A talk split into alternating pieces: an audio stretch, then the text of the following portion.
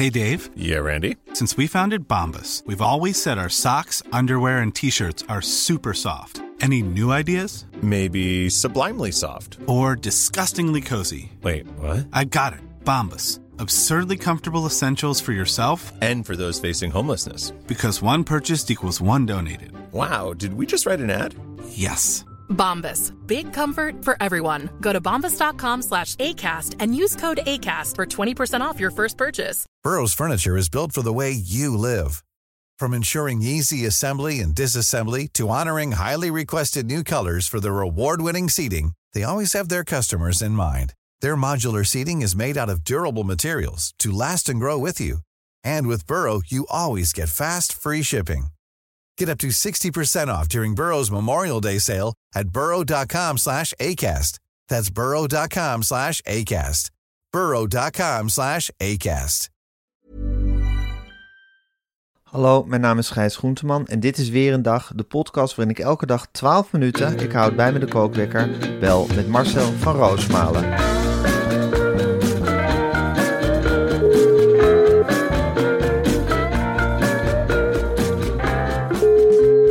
Ja, een hele goede morgen Marcel. Hele mooie, hele goed. Hele moeie gorgen. Hele mooie hoorn. Ehm ik ben herstellend. Ja, je bent ziek hè? Je was- ziekjes? Ik ben, gisteren was ik heel ziek en eh, toch allerlei dingen gedaan. Zoals een eh, column voor vandaag in site. En nu ben Ja, ik. dat kan je onder alle omstandigheden doen hè? Dat kan je nog dood doen. Maakt niet uit. Maakt Nee. niet uit wat je daar doet. Ze zetten je op die kameel en ja, er komt wat. Ga naar die cactus kijken en je zegt wat. Ja. En het is totaal niet inhoudgedreven. Dat maakt helemaal niet uit. Nee. Het gaat maar om één ding. Eh, René van der Grijp moet lachen. Nou ja, dat is dan een paar keer mislukt. Dat is eigenlijk eh, dat, is, is dat, is, dat de maatstaf, zou ik maar zeggen. Bij vandaag Dat is de grote maatstaf. Dat René van der Gijp moet lachen. Ja, dat is het belangrijkste. En de ene keer lukt dat wel, de andere keer niet. En eh, voor de rest, ja joh, ik ben gisteren naar een museum geweest van de Nederlandse capitulatie, al hoestend. Naar een particulier museum in Rijsoord. Nou, dat was iets geweldigs in Ridderkerk. Eh, dat ligt bij Ridderkerk, Rijsoord. Dat was ja, in een ruimtegrijs waar zes plastic poppen... Sprekend lijkende plastic poppen op generaal Winkelman, een aantal officieren op stoelen zitten. En waar de overgave van Nederland in de meidagen van 1940 werd getekend. Ja, En eh, met een krankzinnige museumdirecteur. Een particulier Echt waar? Ja, die man heet Atlos. ja. En die voert dus een eentje actie voor zijn eigen museum. Hij heeft ook een onderzeeër gebouwd. En hij heeft een tijdmachine gebouwd. En ik moest in die tijdmachine gaan zitten. En samen met Roel Goots, met wie ik dat maak. Ja. En toen deed hij de deur in het slot. En dan zegt hij, en daar gaan jullie. En dat was een zelfgebouwde tijdmachine met vliegtuigstoelen van de failliet gegaane Belgische maatschappij Sabena. Ja. En dat ding dat begon te kantelen en we moesten de riemen vastdoen. En ik had echt zoiets van, ga ik heen? En misschien is dit Een andere tijd. Nog een andere tijd. Ja, Ja, het En was, toen? Nou, toen zaten we in één keer in een bommenwerper die Keulen aan het bombarderen waren. Eh, waren we Keulen aan het bombarderen. Eh, we hebben de kerk laten staan. En, eh, oké.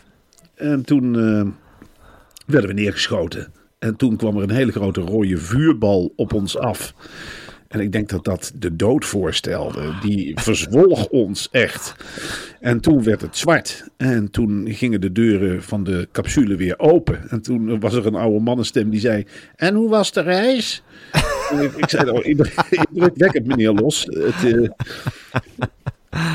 Oh, wat geweldig. Jezus, wat een avontuur. En dat, en dat allemaal terwijl je toch niet zo lekker was. ik was beslist niet lekker, nee. Je was beslist eh, niet lekker. En dan dit soort dingen. Dan Keulen bombarderen en, en ten onder gaan.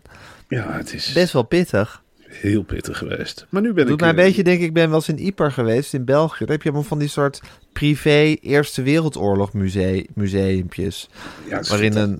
Met, met lo- loopgraven, in de, nog authentieke loopgraven in de tuin. En eh, fantastische 3D-foto's uit die tijd enzovoort. Ik vind dat wel geweldig, van die mensen die zelf een museumpje hebben. Ik ben daar ook geweest in Ypres. En ik weet nog dat kilometers lange loopgraven hebben ze daar ook nagemaakt. Ja. En dan had ik op een zeker moment de gids daar liep. Nou, nagemaakt. Volgens mij zijn dat nog de loopgraven uit die tijd. Toen, toen vroeg ik, eh, ik moet naar de toilet, is die hier ergens Ja. in de buurt. Doe het hier, meneer! Doe het hier! Dat is authentiek. Dat is normaal. Doe het hier, meneer. Ja, dat weet ik. Dat kan ik me nog herinneren. Ja. En elke avond de last post hè, in Ieper. Och, dat is zo indrukwekkend. Oh. indrukwekkend. En, en de bakermat van, eh, van eh, Vlaams Blok. Ieper de Bakermat van Vlaams Blot. Ja, Blok? ja, ja. Ja, als Dat is nou echt, eh, zit echt de kern van de, van de Belgische nationalisten zitten in, eh, zitten in Ieper. Ik ben ook wel eens bij dat hele grote monument geweest. eh, wat, wat, dat hele grote metselwerk in het niks. Die beroemde muur, of wat is dat? Ja. Waar ieder jaar bij elkaar komen. Ja, ook apart. Ja, Ik heb zin om met jou op vakantie naar Ieper te gaan, Marcel. Ik heb zin in, misschien is Podimo geïnteresseerd, in eens per jaar een, een roadtrip. Weer een dag om. Ja, eens per jaar een roadtrip, weer een dag on tour. Dat gewoon in, in, in vijftigen gehakt en dat dan elke week uitzenden. En dan, ja, dat lijkt me fantastisch. En dan Ja. eh, ook aan elkaar vertellen wat we hebben meegemaakt vandaag. Ja, Ja, en dat, en dat, nou ja, dat kunnen we fantastisch. Dat lijkt me. dat kunnen wij fantastisch. Zeker. Ja. ja, ik vind ook wel, op een gegeven moment moet je ook wat meer podcasts gaan maken. Dan heb je er een paar. Maar dan moet je zeggen van, goh, ik moet er nog wat bij hebben. Vind je niet? Vind ik wel, ja. Als je Ja. nou ergens succesvol in bent, dan, dan ja, kun je dat dan moet je er toch meer uit- van maken. Je moet er gewoon overkill zijn. Je Ja, moet er gewoon op een moment dat je, dat je denkt, ja, ik heb alleen nog maar Marcel van Roosmalen podcast en alleen nog maar Gijs Groenteman podcast. En dan met andere, maar die twee namen die komen de hele tijd terug. Ik word er helemaal gek van. Dat moet je hebben. Ja, je moet overkill zijn. Als je geen overkill bent, dan doe je iets niet helemaal goed. Dan ben je weg Toch? spelen. Ja, dan ben je ja, ja. God, ik vraag me trouwens wel af of er nog een run op de AVAS Live krijgt. Ik ben wel blij dat je trouwens deze week ziek bent en niet volgende week, Marcel. Want volgende week moeten we in die AVAS Live. Ja. En het zit nog niet helemaal vol. Maar ik neem aan dat er de komende week... Ja, elke, elke fan van, dit, van deze podcast, die wil daar natuurlijk bij zijn. Dus ik neem aan dat er een run op de kaartjes gaat komen nu. Zeker, het is En- nu of nooit. Ja, het is nu of nooit. Het is de laatste keer dat we die pannenkoekencaravan spelen. Het wordt een spektakel. Heel Meulenhof eh, staat in de startblok om er iets bijzonders van te maken. We gaan live een podcast opnemen. Nou, het wordt één groot spektakel. Dus die kaartjes zullen wegvliegen de komende week. En Ja, ik ben blij dat jij dan, dan beter bent Nou, volgende daar ben, week. ik, daar ben ik ook heel blij om. En eh, wat ik belangrijk vind. Oh, er komt even een kind binnenlopen. Eventjes. Ach, zijn, ze- zijn ze alweer wakker? Veel te vroeg. Zo, die is weer terug naar het hokje.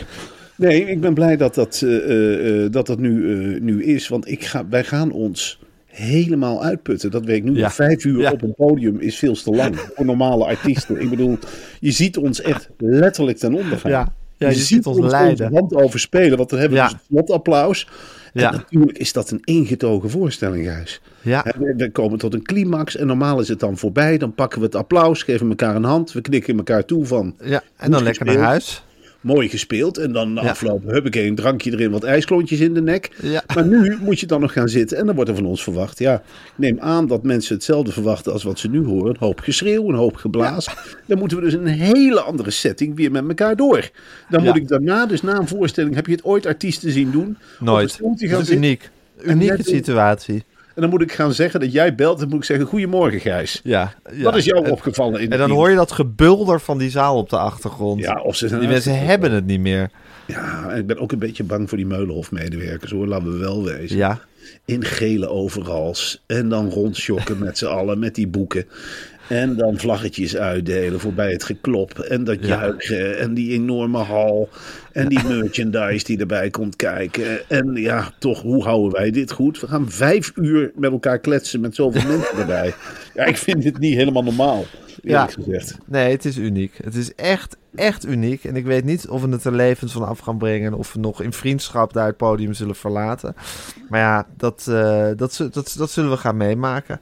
En eh, ik denk, nou, ik neem aan dat, eh, dat onze fans ons steunen. Ik merk voel trouwens dat mijn hoesje, dat mijn hoesje een beetje voorbij is, Marcel. Nou ja, dat is dan toch ook een teken van God. Ja, dat is ook een teken van God, inderdaad. Ja. Dat net, net voor de avonds live dat hoesje eindelijk weer verdwijnt. Dat betekent dus dat eh, de Heer Jezus of God, die zit van bovenaf mee te kijken. Ja, En die denkt van, ik ga eens een handje helpen. ja, Die heeft een hele zware week voor de voeten. Ik neem zijn hoesje af. En ik neem van Marcel zijn riepje af. Dan zijn ze helemaal fit voor die grote eredienst in die AFAS Live. ja. En dan ligt het in ieder geval niet daaraan. Want ja, ik moet er ook niet aan denken, eerlijk gezegd, dat jij vijf uur zo zit te kuchen op de podium. Nee, Hoe moet verschrikkelijk. ik Maar ja, opvangen? Nou ja, Gijs Ja. nog steeds de hoest. Eh, ja. Nee, dat zou, heel, dat zou heel gênant zijn geweest. Mensen begon, beginnen ook al te DM'en van we denken dat het een tumor is. En eh, je moet naar de dokter, want dit klinkt niet goed. En volgens ons is het terminaal en dit en dat. Ja, mensen beginnen zich echt zorgen te maken. Maar de Heere God heeft ervoor gezorgd. Ja, dat het nu dat het echt, dat, dat het echt beter met ons gaat. En dat wij die uitputtingsslag eh aankunnen straks in de AFAS Live. Ja. Ja, kruipt dichterbij, die datum. het kruipt dichterbij en het wordt fantastisch. Eh, dat, daar kijken we naar uit en dat is heel bijzonder. En we gaan het zo meteen nog over allerlei andere dingen ook nog hebben. Maar ik wil het eerst, eerst even met je over het volgende hebben, Marcel. Want we praten deze week over Mad Sleeps. Ja. En Mad Sleeps, Sleeps is fantastisch in het maken van matrassen, dat weten we allemaal. Maar ze maken ook een kussen. En wist jij, Marcel, dat een goed kussen voor ongeveer 20% het totale lichtcomfort bepaalt en dat het nek- en schouderpijn kan voorkomen? Met Sleeps heeft een uniek kussen ontwikkeld dat zowel perfecte support voor rug als voor zijslapers verzorgt. En het kussen is, hou je vast, 12 centimeter dik. 12 centimeter. 12 hele centimeters. Ja, Dat, is, ja, dat is iets geweldigs. En fantastisch dan hebben ze ook nog een boxspring en een loftbed. Ja. Dus je kan echt voor het complete bed naar Mad Sleeps. Ja, en heb je nou nog niet echt een nieuw matras nodig? Of zit je krap bij kas? Dan kan je er ook gewoon een toppertje van Mad Sleeps eh, opgooien. Ga naar madsleeps.com en krijg met de code weer een dag, gewoon kleine letters aan elkaar, 10% korting op die gehele collectie. Ja, van Mad Eh. Sleeps. En Mad is M-A-T-T Sleeps. En dan denk ik wel bij mezelf, ehm, als je een zijslaper bent, Ja. dan, eh, ja, dan is dat iets heerlijks. Ja. Wat, om, een, om zo'n kussen te hebben en op een Mad Sleeps matras te slapen. Ja. Ja, maar als je rugslaper bent ook. Ja, dat is iets fantastisch. Ja. Ja, ik ben een beetje afgeleid omdat ik een app krijg Ja. van... Jezus, begint het alweer met de apps? Ja, het is zes uur s morgens en dan krijg ik een Jezus. app van Andries Hupplepup van eh, Nieuwe Revue. Die is dus bezig met de rubriek. Ja. eh, wat, Marcel, van- wat vind jij van Marcel van Roosmalen? En die belt mij dan op.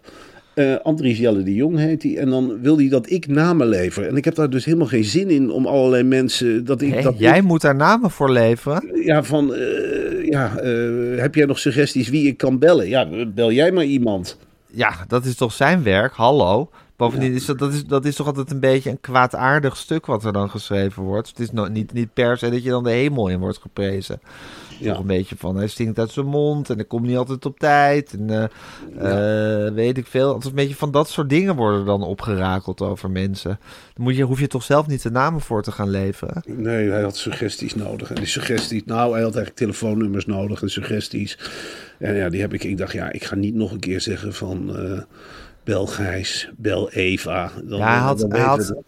Hij had mijn gegevens niet, dus had mijn moeder gemaild. Ah. Had mijn moeder gemaild, kan Gijs van, vanmiddag over Marcel praten? Alsof, alsof zij mijn agenda beheert. nou, zij heeft het aan me doorgestuurd. Ik heb niet gereageerd, eerlijk gezegd. Ik had er zo erg geen zin in. Ik krijg eh, net het volgende bericht van Andries Jelle de Jong. Met dat terugbellen van jou valt het best mee, hè, Marcel? Desondanks is het een prachtig stuk geworden. Vriend Oh, het en is al vijand- klaar. Het is al klaar. Vriend Oh. en vijand reageert. Mocht je het stuk al onder embargo willen lezen, maar dan mag je er voor woensdag niets mee doen, dan stuur ik het met alle plezier. Heb het al ingeleverd. Vrolijks. Zo. Andries Jelle de Jong. Nou, Vrolijks? wordt wat volgende week. Zeg het. Ja, en een smiley erbij. Vrolijks? Wat een, ra wat een, rare, wat een rare groet. Vrolijks. Dat, zijn, Is dat typisch nieuwe revue? dat is typisch niet revue. Ach, ja, jeetje. Ja, dan heeft hij mijn, mijn hele verhaal heeft hij nu, eh, kan hij nu niet meenemen. Ik ben, wie- weet je wie die verder heeft gesproken? Eh, nee, Michel van Egmond? Nee, ik heb geen idee. Vriend en vijand reageert. Vriend en vijand. Nou, Jack van Gelder, neem ik aan. Jack, Jack van Gelder. nou, we zullen het zien. Eh, Marcel, ik ga de kookwekker zetten. Ja. Is hij opgehouden met de appen? Ja, nu wel. Oké, dan kunnen we rustig, dan kunnen we rustig door met eh opnemen. Stuur maar. Oké, en de kookwekker loopt. Marcel, het is een spraakmakende documentaire, of tenminste, er was al van tevoren heel veel over te doen over.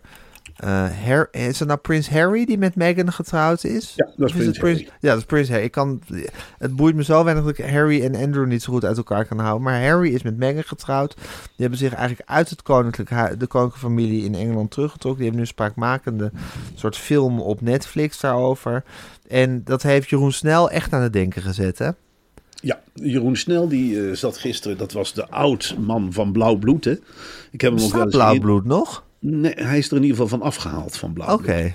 En dat is natuurlijk. Hij, was te, hij is te geïnvolveerd geraakt in het Koningshuis, Hij was niet? te loyaal. Het was, Te loyaal. Het was helemaal geen spannende journalistiek meer. Hij vond Nee. alles prachtig. En ik heb hem ooit geïnterviewd, nam me wel voor me in. Hij zegt, ik vind ook alles prachtig. Ik vind die pracht en praal ook prachtig. Ik vind ook dat ze het heel goed doen.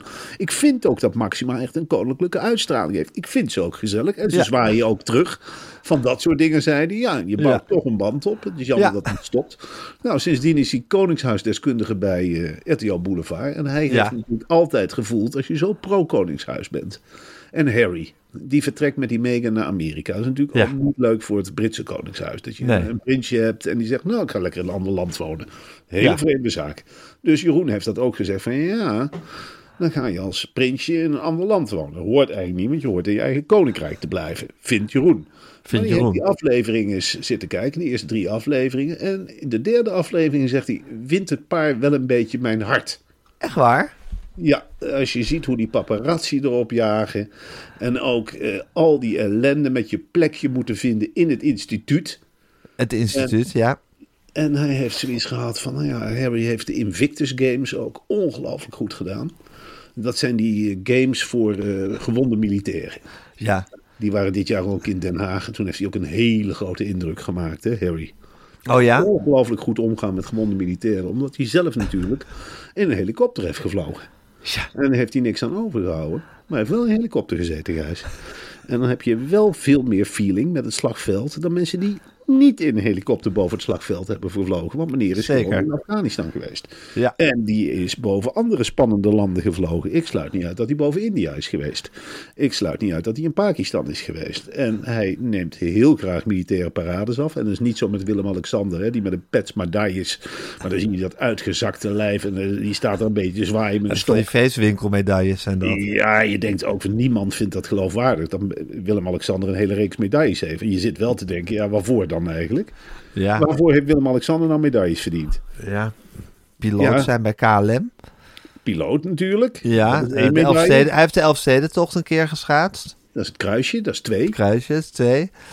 Eh, ja, ik denk dat dat het zo'n beetje was. Dat zijn de echte medailles die hij gehaald heeft.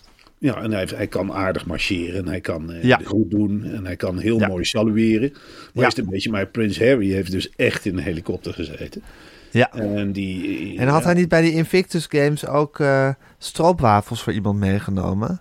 Ja, was Ik dat herinner me ineens Harry- zoiets bij, bij Media Insight... Dat we, dat we toen een heel item hadden over dat hij stroopwafels had meegenomen... en dat hij de hele tijd stroopwafels aan het uitdelen was. Nou, volgens mij was, hij, was dat een journaliste die ze had Oh. uitgedeeld. En die journaliste die was heel blij dat ze die stroopwafeltjes uiteindelijk via een gewonde militair... Ja, Hè, die miste een ledemaat. En Ja. met die andere ledemaat heeft ze dus aan Prins Harry dat zakje stroopwafeltjes overhandigd. Ja, En- precies. overhandigd. En dat is natuurlijk hele mooie televisie. Zeker omdat Ja. Prins Harry, ja, die hapt dan van zo'n stroopwafel. En die vindt het heerlijk. En die wil Ja. meenemen naar Amerika. En, eh, ja wat dat betreft is het echt een jongen van het volk.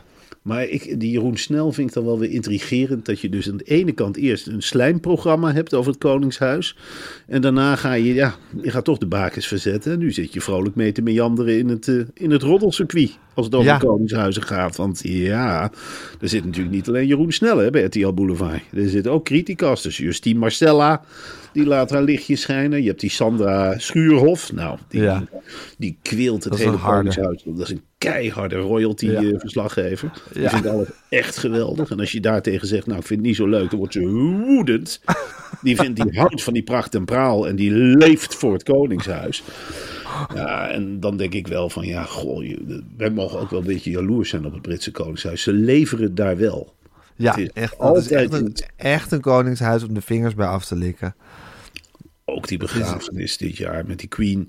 Heb je Ja. gezien hoe scharrig eigenlijk wij Prins Klaus hebben opgeborgen. Als je het Ja. vergelijkt met eh, wat daar uit de kast wordt getrokken. Precies.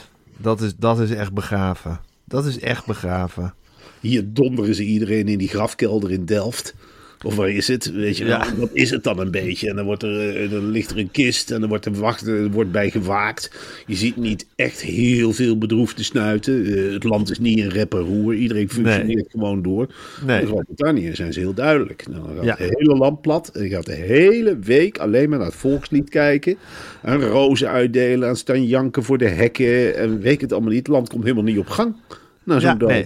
Het land valt helemaal stil. En jij als republikein van het jaar vindt dat echt te prijzen. Nou, als je dan toch een monarchie hebt, dan Ja, doe, ik, doe het dan maar hysterisch. doe het hysterisch of kom in opstand. Maar niet dat Ja. halfbakken gedoe wat Niet wij dat halfbakken van, ja, p- prima. Het is nou eenmaal zo, was een enzovoort. goede vent. En, eh, Ja. ja. toch voor ons gezorgd. Hè? Ze hebben toch over ons gewaakt. Ja. Het was een hele zielige tweet van prinses Amalia. Had je die gezien of niet? Nee. Ja, ik heb zo te doen met dat kind. Ik vind het zo verschrikkelijk dat ze nu in dat paleis zit opgesloten als een soort Rapunzel. En dan had ze zo'n hele, was jarig. Dan had ze zo'n soort beetje een droeve foto van zichzelf had ze geplaatst. En dan had, ze- had, ze, had ze erbij, er is er een jarig, ho- hoera, hoera. Dat kun je wel zien, dat ben ik. Nou, mijn hart brak echt voor dat kind. Jezus, ja. Ja, dat is eh, toch verdrietig. Ja, Ja, dat is heel verdrietig, ja. Ja. Ook omdat je, eh, ja, met wie ben je er eigenlijk opgesloten? Met je vader en moeder. En die kennen we ook allemaal, hè? Dat is niet zo'n feest, hè? Om de hele dag in de huis te zitten met Willem-Alexander, die half overspannen is. nee. En die de hele zit, met zichzelf zit te worstelen. Van ja, eh, wat zou ik nou doen om de populariteit te vergroten? Hij weet het niet meer. Wat zal ik nou doen? En ondertussen zit zijn dochter bij hem opgesloten. En ondertussen is die Maxima. Die reist de hele wereld over met die muntjes. Die wil alle arme mensen een muntje geven. Of weet ik veel wat. Klein budget. En dan word je natuurlijk een heel Microkrediet. mengsel. Wat? Microkrediet. Microkrediet. Ja. Het is nooit een keer een groot krediet. Nee, van Maxima die deelt dan microkredietjes uit. Zelf heb je 17 paleizen en je weet nog niet wat je met de slagvelden in doet. En of je de beestjes laat leven of niet. En welke jurk je nou weer aantrekt. Het hele land staat te klappen als ze twee keer dezelfde jurk aan heeft. En tegelijkertijd gaan, waakt ze over de mensen in India en dan zegt ze... Maybe there is some microkrediet for you. Maybe you can start a shop. Maybe you get your own bankpas. Yes, Ja. yes. Dus je zegt eigenlijk geen enkele 18-jarige wil met zijn of haar ouders in een paleis opgesloten worden. Maar met deze ouders is het wel helemaal een dingetje. Ja, dat is Ja. natuurlijk waanzinnig. Dan word je, ja. Ja. dan wat voor volwassenen word je dan? Ja, Ja, dat, ja. dat is iets belachelijks. Dan krijg je dit soort tweets. Ja, nou, we leven met haar mee. Ik in elk geval wel. Ondertussen, Zeker. Marcel, is onze eigen vakbond, de NVJ, is zich flink aan het roeren. Want eh, er was iets met een Kamerlid en een, en een journalist van Ongehoord Nederland aan de hand. Hoe ging dat precies, die, die kwestie? Ja, nou die uh, Tier te Groot van D66. Dat is weer echt, ja, dat heb je soms bij D66. Dat zijn allemaal van dat buigzame riet. En het wuift naar links en het wuift naar rechts. Ja. Maar je hebt af en toe een flinke tussen zitten. En die Tier te Groot, dat is er zo een. Kale kop, sikje eronder. En die, uh, die vindt iedereen dan fascistisch, waar hij diep mee eens is. En nou heeft hij misschien bij die uh, Jonathan Crispijn van Ongehoord Nederland... Heeft hij wel een puntje misschien. Een klein puntje. Dat is zo'n jongen die de hele tijd heel vervelende vragen stelt met draaiende camera's. Ja. En Geert de Goort die was wel gewoon aan het rondlopen in de Tweede Kamer met wat gasten uit het buitenland. Heeft hij aan de lopende band achter zich aan. Vindt hij heel normaal om door het Kamergebouw Ja. te lopen. Nou, dan heb ik een groepje mensen uit het buitenland. Laat ik onze democratie aanzien. En Ja. dan zegt hij, eh, nou, dat is een fascist. Had hij gezegd over die Jonathan Crispijn. Nou, die Jonathan Crispijn van Ongehoord Nederland. Nou, als je, die moet je niet uitschelden, weet je zelf ook. Die, komt dan, die gaat achter je aanrennen met een draaiende camera. Die maakt Ja. je helemaal gek met een draaiende camera. Ja, dan kun je de komende tien dagen een draaiende camera op je kop verwachten. Ja. Dus Geert de Groot die heeft op een zeker moment gezegd... Oké, oké, sorry, ik had geen fascist moeten zeggen. En op dat moment, als eigenlijk de oorlog gestreden is... Hè, de brand is geblust met een emmer water... dan komt de NVJ in actie... Dan komt die Thomas Bruning, niet te verwarren met Thomas Bruining, maar Thomas Nee, dat is een andere Bruning. bruining. Dat is een andere Dat is een bruining. andere, andere slag. Ja. Ja, Ja. het zijn twee vissen van dezelfde lood. Maar het is iets anders. Het zwemt iets anders rond, zou ik maar zeggen. Die zegt dan op een zeker moment: Het is nooit goed als je een journalist voor fascist uitscheldt. Dat Nee. moeten we niet willen met z'n allen. Dat is een hele grote belediging voor journalisten. Je kunt journalisten niet harder beledigen dan fascist tegen ze te zeggen. Nee. Want journalisten, dat is een apart slag. Die moeten beschermd worden. Dat zijn bijzondere mensen. Die strijden eigenlijk voor de democratie. Ja. die strijden met hun pen, niet met een wapen, maar gewoon met hun pen en de camera.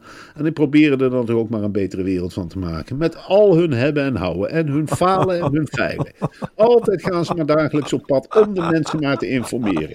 En dan kun je wel eens bij En de waarheid boven water te krijgen. En boven tafel. eh, je kunt bij de verkeerde krant werken en je kunt bij de verkeerde omroep zitten. Maar dat betekent niet dat je door het eerste de beste Kamerlid mag worden met een heel gevolg uit Amerika of Afrika, ook wat hij ook achter zich aan heeft zitten. Dat je dan zomaar eventjes neer mag worden gestapeld als fascist. Want dan zit zo'n journalist mee, die komt thuis en die heeft een heel verhaal te vertellen. Die gaat aan de tafel zitten en die zegt, nou, ik werk misschien bij een rabiate omroep, maar wat me vandaag is overkomen in het Kamergebouw. En zo'n gezin of zo'n partner of wat dan ook, die gaat erbij zitten. Die zegt, nou, wat is dan gebeurd, Jonathan? Ja, dan kwam ik een D66-Kamerlid tegen en die zei, eh, fascist. Dat begon toch wel een beetje aan mij te vreten de rest van de dag. Ik denk, ja, ik loop hier het vuur uit te sloffen voor de democratie. Ik probeer een deel van de Nederlanders voor te lichten bij een camera. Ik probeer te zeggen hoe onze democratie werkt. Ja, en dan komt er zo'n stoethaspel langs, keer te groot van D66, met een heel gevolg achter zich aan. En Ja. die zet mij in het openbaar gewoon weg als fascist. Ja. En dan ben ik helemaal van slag. Ja. En dan moet ik nog een hele dag verslag doen. Ja. Ja, en dan sta ik er met mijn draaiende camera me groot te houden. Maar ondertussen groeit dat in mijn achterhoofd. Dat woedebolletje. En ik van. Ik ben naar Arnold Karskens gegaan. Ik zeg, Arnold, ja, is een jongen? Is een jongen dan? Nou, ga zitten. Wat is er gebeurd allemaal? Nou, ik ben eh, uitgescholden door Tjeerd de Groot voor fascist. Wat, wat is er gebeurd?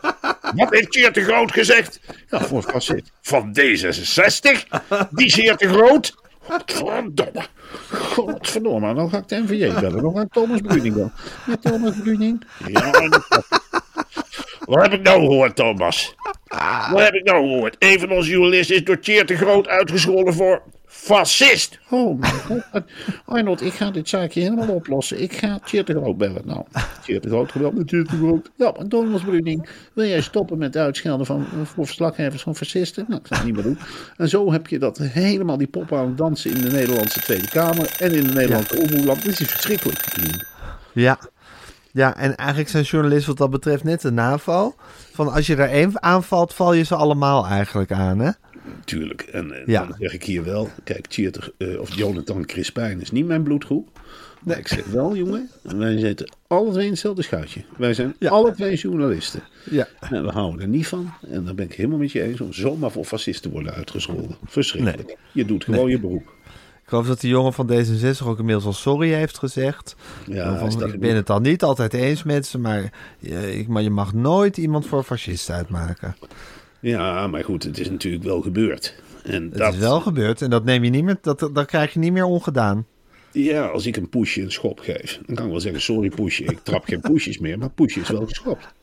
En het insect is wel doodgetrapt. Het huisje is wel in brand gestoken. Het dorpje is wel gebombardeerd. En de mensen zijn wel weggevoerd. En de dijk is wel doorgeprikt. Ja, sorry, ik zal de dijk niet meer doorprikken, maar hij is wel doorgeprikt. Ja. Dat is wel een keertje gebeurd. We proberen dat Ja. maar te vergeten. Hè, En zo'n journalistiek brein dat van alles meemaakt. Hè? Dat vergeten de mensen wel eens. Dat journalisten drie, vier keer zoveel meemaken als gewone mensen. Ja, eh, bedoel, zeker als ze op reportage gaan. als je op zeker, nou ja, Ja. Dat, dat heb je allemaal in de bundel totaal kunnen lezen. Dat, Ja, dat, wat je dan meemaakt. dat maak je veel onge- meer mee. ongelooflijk dat alles wat in de bu- bundel totaal staat, dat het door één iemand is meegemaakt. Dat is ongelooflijk. Dat is gewoon één iemand in de wereld, namelijk jij, die dat allemaal heeft meegemaakt. En dit is dan nog maar een bloemlezing, hè? Ja. Dit is nog maar een fractie Een, van top, wat ik- een topje van de ijsberg. Want wat er doorheen... Ik heb wel eens gezegd, ja, ik kan de hele dag blijven noteren... maar ik kan mezelf niet bijhouden qua belevenissen. Dan is dat totaalboek nog drie, vier keer zo dik. Wat dus Ja. niet kon, volgens Nee. Paloma Sanchez. Die zei, er is een rem op het aantal pagina's. En ik heb drie, vier keer tegen haar gezegd... maar Paloma, ik heb veel meer meegemaakt. ik heb echt veel meer meegemaakt. En er wordt nu nog naar een oplossing gezocht. Maar Totaal twee. In totaal drie misschien. Ja, Dat zit Dat er in de ik. pen natuurlijk. Ja, je maakt zoveel mee. Dat kun je helemaal niet, eh, kun je anders niet verwerken. Een journalist, dat is een wandelend stootkussen, Gijs. Dat weet Ja. jij toch ook, de verhalen die Ja. tegen jou verteld zijn als interview. ja. Het gaat maar door de hele dag. En je zaagt het op als een spons. En het komt er weer uit ook. Ja, maar, maar Af en toe jij, knijp je jezelf uit en dan komen al die verhalen eruit. nou, Gijs, stel jij de situaties voor dat een goede vriend of vriendin bij jou komt met een probleem. En Ja. die lepelt dat hele probleem op. Dan Ja. zit jij toch ook bij jezelf te denken, ja, ik heb dit verhaal al veertig keer gehoord van bekende Nederlanders. Iedereen vertelt alles aan mij. Ik vind dit heel Ja. bijzonder. Maar je moet wel weer teruggrijpen op je eigen instrumentarium. Dus de verbazing veinzen, het meegaan veinzen, het net doen of je zo'n probleem voor het eerst hoort veinzen. En dat heb ik hetzelfde. Mensen zeggen tegen mij, moet je nou toch eens kijken wat we hebben meegemaakt, Marcel. Ik vind het helemaal geen belevenis van belang. Nee. Ik vind helemaal niks. Ik heb het zelf tien keer meegemaakt. Tien keer meer gezien. Het is bloediger geweest dan jullie vertellen. Het is veel vreselijker geweest. Het is veel mooier geweest. Het is veel kleurrijker geweest. Of ik heb het gezien. Maar je wordt een arrogante lul als je dat de hele tijd zegt. Van, ja, Ja. ik heb dit al een keertje eerder meegemaakt en wel wat groter. Ja. Ik ben al in een groter stadion En je geweest. blijft mens onder de mensen, hè? Je blijft natuurlijk mensen onder de mensen. Ja, precies. En Jonathan En Crispijn... je voelt je niks beter dan de ander. Absoluut niet. Absoluut niet. En Jonathan Crispijn is ook zo iemand. Dat is natuurlijk een journalist. Ja, Dat is een weet journalist. En die gewoon, wenst ja. niet voor fascist uitgemaakt te worden. Zeker niet met een draaiende camera. Dan voelt hij die Nee. vernedering. Hij, Ja. hij is natuurlijk zijn beroep is wel om andere mensen te vernederen. Maar dat betekent niet dat hij zelf vernederd moet worden. Nee, precies. Ergens moet je de grens trekken. Ja. Ja, nou, dat is volstrekt helder. Een onverkwikkelijke affaire. Marcel de Kookwekker is inmiddels lang, lang geleden gegaan. Moet je nog even heel kort vertellen over Maurice de Hond? Oh ja, Maurice de Hond die, eh, die wil de film over de Deventer moordzaak en de podcast over de Deventer moordzaak verbieden. Want Verbieden? Hij zegt, eh, het is niet onbegrijpelijk dat ik dat wil, want in de film word ik ontmaskerd als een vileide maloot. En dat wilde hij eerlijk gezegd, vindt hij dat toch wel remmend op zijn, eh ja, zijn imago. Ja, en Ja. dat is het natuurlijk ook. Hij wil niet als filijn de maloot afgeschilderd worden. Nee, ja, hij heeft Nou, daar heeft hij ook een punt. Natuurlijk, eh, Ja. ik bedoel, ja, hij heeft natuurlijk iedereen opgehitst en van alles gedaan. Maar om nou als filijne maloot te worden ontmaskerd, dat is nogal wat. Hè. Zeker Ja. als je ook actief bent als pijler. En Het hele, eh, het hele democratische stelsel rust zo'n beetje op de peilingen van Maurice de Hond. Dus ja, Ja. ik weet het niet. Nou goed, dat is in ieder geval ook eh, afgerond. We zullen zien. Ik denk, ik denk eerlijk gezegd dat de podcast nog de film verboden zullen worden. Maar ik wens Maurice de Hond wel heel veel succes bij het eh, proberen daarvan. Ik dacht zelfs dat, dat hij zelf trouwens ook weer met een tegenpodcast zou komen. Waarin zijn zaak bepleit zou worden. En bewezen zou worden dat de klusjesman het toch gedaan zou hebben. Maar die podcast heb ik nog niet eh, gezien of gehoord. Nee, Jij ook nou, niet, toch? Ik heb het nog niet gezien. En Nee. niettemin moedig ik Maurice wel ontzettend aan om daarmee door te gaan. Ja, Het lijkt mij Blijf heel podcast leuk om te maken. horen hoe Maurice de Hond aanbelt bij allerlei mensen die hij eerst tot op het bot heeft beledigd. En eens even de waarheid gaat lopen vertellen. Wie het dan in zijn ogen wel gedaan heeft. Ja. Tegen alle rechtszaken en uitspraken in. Gewoon blijven volhouden in je eigen gelijk. En ik denk dat. Maurice dat heel goed kan. En dat dat wel eens Ja. een hele langdurige podcast kan gaan Ja. worden. Een podcast waarmee Nederland het hele podcastlandschap misschien wel gaat veranderen. Want het Ja. ene deel zal het andere deel opvolgen. En we zullen verzwelgen in de materie en de In feiten. de delen. Ja. Eerlijk gezegd ben ik zover dat ik van de Deventer moordzaak niks meer wil weten. Ik wil niet meer weten wanneer, wie, wanneer, bij welke seinpaal heeft gebeld. Welke bloedspatters er op welke blouse zitten. Hoe de parelketting uit elkaar is gevallen. eh, wat, welk mes er eventueel gebruikt zou worden. Ik wil niet meer dat er allerlei graven worden geopend en omhoog getakeld. En dat allerlei mensen die ik helemaal niet ken elkaar weer gaan beschuldigen van moord. Ik ben er helemaal doodmoe van. van die, Ja. Heb jij dat ook niet als een hele vermoeiende zaak ervaren, die Deventer moordzaak? Een hele vermoeiende zaak. Maar ik heb wel genoten van die podcast van de Deventer Mediazaak, moet ik zeggen. Ja, dat vond ik Ja. ook een goede podcast. En eh, tegelijkertijd eh, was ik ook een beetje die Bas van Hout of zo heet die, die gast. eh, die Ja, zeker. Ja. Ja, die, in die speelfilm dacht ik wel van, goh... Ja, ik heb altijd een beetje moeite. Ik ben dus voor journalisten die als fascist worden afgeschilderd dat ze voor zichzelf opkomen. Maar ik ben tegen journalisten die zo'n beetje op een zelfgebeitelde sokkel gaan staan. Een beetje onschuldig om zich heen kijken. Van, nou ja, goed. Ik rook oorraad en ik ben op een suikje afgegaan. En ik heb eh, een en ander ontdekt. Dat allemaal niet klopte wat de collega's allemaal boven tafel hebben eh, gelegd. En ik ben daar eens met mijn speurneus ingedoken. Met mijn ervaring van de radio, tv en de schrijvende journalistiek. En als je dan de feiten naast elkaar legt, dan kom ik tot hele andere conclusies. Nou, de rechter heeft eh, mij gelijk gegeven. En ik vind het heel leuk dat ik in deze podcast een rol mag spelen. Ik vind het ook heel leuk dat er een speelfilm over gemaakt is. Klopt mezelf verder niet op de borst. Ik ga wel verder met andere grote onderzoeken. Ik wil bijvoorbeeld een andere moord op gaan lossen. Ik wil nog een keertje naar Sumatra om eens eventjes goed te kijken hoe de koloniale stelsel van Nederland precies in elkaar heeft gezeten. Ik zal wel eens een keer naar het ministerie van Financiën willen om die hele schatkist om te draaien. Eens eventjes kijken wat de Belastingdienst nog meer uithaalt. Maar goed, daar moet je budget voor hebben. Ik ben blij dat ik nou die erkenning krijg. En ik kan niet graag in het zonlicht staan, maar het is wel zo dat ik jarenlang ben getraineerd. En uh, dat ik het nu prettig vind dat ik naar collega's werk waar ik wel aanzien heb. Ik ben natuurlijk uitgelachen destijds op diverse redacties. Heb je altijd, hè, bij journalistieke redacties, dat er altijd een beetje afgunst is. Mensen ruiken als het ware dat je op het goede spoor zit en proberen je af te snijden van dat spoor. Want de een is een brood is de ander zijn dood. En andersom, in de journalistiek is een kei en keiharde wereld. En ook vaak dat hoofdredacteuren niet kunnen wachten op de onthullingen. Dat die aan je jas gaan trekken van, hé hey Bas, gaan we al publiceren? Kan het niet wat sneller? Nee, dat kan niet. Het is Ik wil alles tot in de treuren afwegen. Ik wil iedereen de kans geven op wederhoor. Want dat is ook journalistiek, hè? Hoor en wederhoor.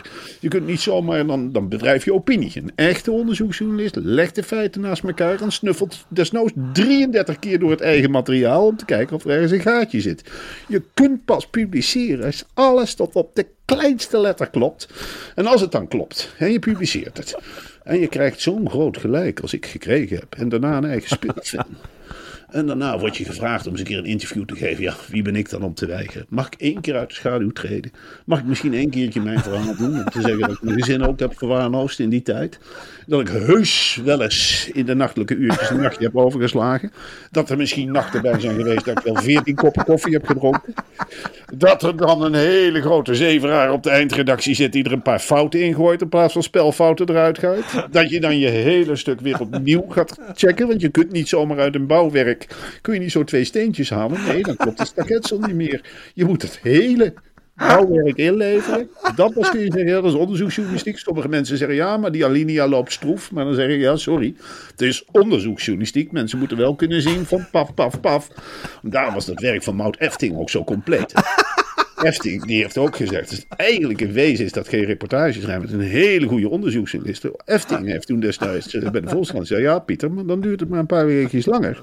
Ik ben nog van plan zwanger te worden in deze tijd. Ik ben ook van plan om nog 50 tot 60 andere slachtoffers op te sporen. En ik wil van iedereen het exacte verhaal hebben wat hij van Nieuwkerk heeft geflikt. En ik wil van iedere zaak van Van Nieuwkerk respons. En als hij geen respons wil geven, dus via Djukewinia of die Julia Wolf, dan gaat hij één voor één al die feiten tot in detail voorleggen. En dat gaat dan wel, ja, sorry Pieter, maar dat gaat, ik wil Weestra met me eens, dat gaat dan wel op de toon van, beste Matthijs, herinner jij je de nacht van 21 augustus 2003, waarop jij boos zou hebben gebeld bij de volgende anonieme redacteur, bababa, je zou destijds hebben gezegd, loop jij is snel weg met je broddelwerk. En daar is destijds ja, met overspannenheid op gereageerd. En die heeft zich ziek. Kun jij je dat voorval herinneren? En klopt het dat jij drie dag een Levi Strauss spijkerbroek droeg? En dat jij bent gelunchen met notabene Jeroen Pauw, die met dit verhaal verder niks te maken heeft. En dan moet je ook Jeroen Pauw bellen om te zeggen dat jij op 23 augustus 2003 geluncht hebt met meneer Van Nieuwkerk. En hoe was de stemming? Herinner jij je dat nog? Wat aten jullie? En zo moet je tot in detail alles doen. En daar, wat dat betreft herkent natuurlijk het werk van uh, ja, Mout Efting. is natuurlijk ja, de verdroomde opvolg, maar Bas van Hout heeft destijds... Bas Haan. Haan. Oh, ja, nou hier, ja. dat bedoel ik. Ja. Dan ben je dus zelf geen onderzoeksjournalist. Nee, precies. Bas Haan zou nooit, en ik, bied nu mijn excuses aan, aan zowel ja. Bas van Hout, dat ook een onderzoeksjournalist is, ja. en Bas Haan. Het is ongelooflijk dat die twee nu door elkaar haal. Ja. God, jongens, wat een blunder. Ai, ai, ai. Nou, daar zijn we lekker bezig. Twee bassen boos. En niet de minste. Bas Haan, een grote journalistieke corrivee. Een voorbeeld. Iemand die slip, eh, wiens jas ik niet mag op de kapstok mag hangen. Iemand, ja, iemand ja, in wiens voetsporen ik nooit zou kunnen stappen. En Bas van Hout. Een heel ander slag, een heel ander kaliber. Veel meer in de misdaad. Durf ik mijn handen niet voor in het vuur te steken. Maar niettemin, twee journalisten in één keer beleven door ze door elkaar te halen. Het zou me niks verbazen als Bas Haan en Bas van Hout gezworen vijanden zijn. Je weet het niet. Nee, je weet het niet. Je vindt dat Bas Haan wel heel druk is met zijn eigen sokkeltje bouwen. Ja, ik vind dat Bas Haan. eh, heb ik vanaf het begin Bas van Hout gezegd tegen Bas Haan? Eh, in deze podcast wel, ja. In deze podcast wel. Jammer Ja. dat je me dan. Ja, ik corrigeer je een beetje laat. Maar goed, eh, Ik was overal. er zelf ook ik- niet helemaal bij. Maar goed, zo werkt de onderzoeksjournalistiek. Wat je dan moet doen als onderzoeksjournalist is zeggen van... nou, ik heb abusiefelijk eh, de naam Bas van Hout gebruikt... waar ik Bas Haan bedoelde. Dus dan bied ik mijn excuses voor aan, bla bla bla bla bla. En dan moet je dat hele document gaan doorwerken... en overal van Hout vervangen door Haan. En dit zijn van die hele kleine foutjes... waardoor zo'n heel... Dat is onderzoeksjournalistiek, hè? En die fouten kun je niet maken. Nee. nee. Nee. Nou goed, Marcel, het is, eh, het is ongelooflijk. Ehm, ik denk dat we er doorheen zijn voor vandaag. Ehm, het was goed om even met je bij te praten. Het is nu vrijdag, dat betekent dat we een weekend tegemoet gaat, gaan. En in het weekend, Marcel, is het altijd genieten van, eh, van onze Podimo-presence. dan gaan we altijd lekker bij elkaar zitten, dan kruipen we echt bij elkaar. En dan zetten we de kookwekker op maar liefst 24 minuten. Er zijn wat afleveringen die wat langer duren dan deze korte reguliere afleveringen. Dan zijn we 24 minuten en dan, ja, dan, dan hebben we een wat meer filosofische toon slaan we dan aan. Hè? Dan, dan, dan, dan nemen we echt die helikopterview en dan kijken we naar de wereld op een heel andere manier. En dat geeft weer hele nieuwe inzichten. Ja, dat is fantastisch. En dan, eh, ja, dan ga ik, ja, dan betreed ik echt een andere wereld. En dan kom ik tot rust. En dan, eh, ja, ik, ik eet er vaak wat bij. Ik denk dat ik morgen yoghurt meeneem op de een of andere manier. Gewoon lekker een milde yoghurt en dan lekker sabbelen en ondertussen Ja. meanderen. Meestal doe je die in een, eh, in een theedoek en sla je die dan tegen een boom, toch? Zodat er stremsel overblijft. Dat vind ik het allerlekkerst. Lekker Ja. stremsel met kaneel. Ja. Dat vind ik het allerlekkerst om te eten. Misschien neem ik het morgen wel weer mee. Ja, nou, dat, eh, dat doen we zeker. Vanavond gaan we lekker naar, eh, naar Nederlands Elftal kijken. Daar gaan we het morgen even niet over hebben. Absoluut niet. Voetbal is geen, geen geschikt onderwerp voor Podimo. Maar we gaan vanavond lekker kijken. En ik wens jou eh, alvast een heel goed weekend toe. En maandag bel ik je weer voor, voor, voor deze reguliere podcast. En we gaan naar onze 200ste aflevering toe. En naar ons glorieuze optreden in de AVAS Live. Er zijn nog een paar kaartjes te koop. Ja. En eh, hou je haaks, Marcel. Ja, misschien. Oh, dat is dan die 200 aflevering is in de AFAS live. Nou, de ochtend van de AVAS Live hebben we onze... Dus eigenlijk nemen we onze 201ste aflevering nemen we op in de AVAS Live. Dat is toch schitterend, hè? Dat is iets geweldigs. Ja, dat is echt iets een geweldigs. deksel op de put. Ja, dat is echt de deksel op de put. En de kers op de taart. Oké. Marcel. Ik zie je morgen voor Podimo. Oké. Doei.